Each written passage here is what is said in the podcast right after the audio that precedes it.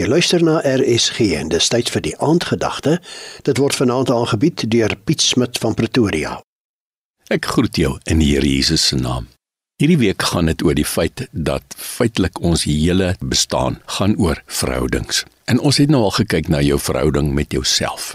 Vandag gaan dit oor jou verhouding met jou huweliksmaat of jou lewensmaat dan. Ek en my vrou was lank terug by 'n huweliksseminar gewees. En die heel eerste ding wat hulle gedoen het daar die seminar, hulle het vir ons elkeen 'n stukkie papier gegee met die volgende sinnetjie daarop geskryf: Om 'n gelukkige huwelik te verseker, doetjie doetjie doetjie, die perfekte huweliksmaat. En dan moet jy nou die ontbrekende woord invul. En ek kan nou goed onthou, almal van ons het die woord vind of kies daarin gevul. Om 'n gelukkige huwelik te verseker, kies die perfekte huweliksmaat. Maar ons was almal verkeerd want die woord wat daar moet inkom is wees.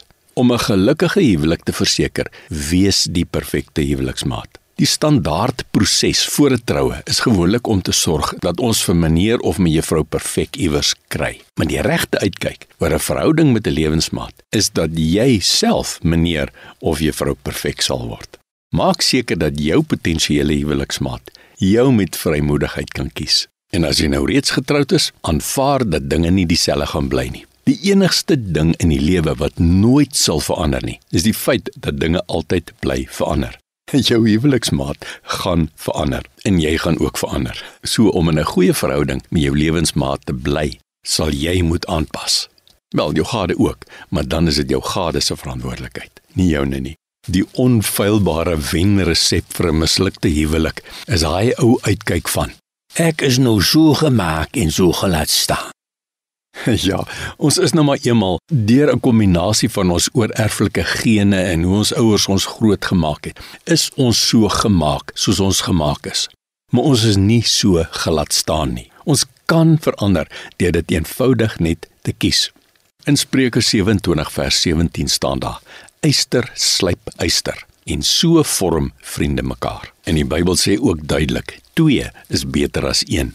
Die enigste manier hoe jy en jou lewensmaat 'n lewenslange, vredevolle, liefdevolle verhouding kan hê, is as julle beide 'n verhouding met die Here het.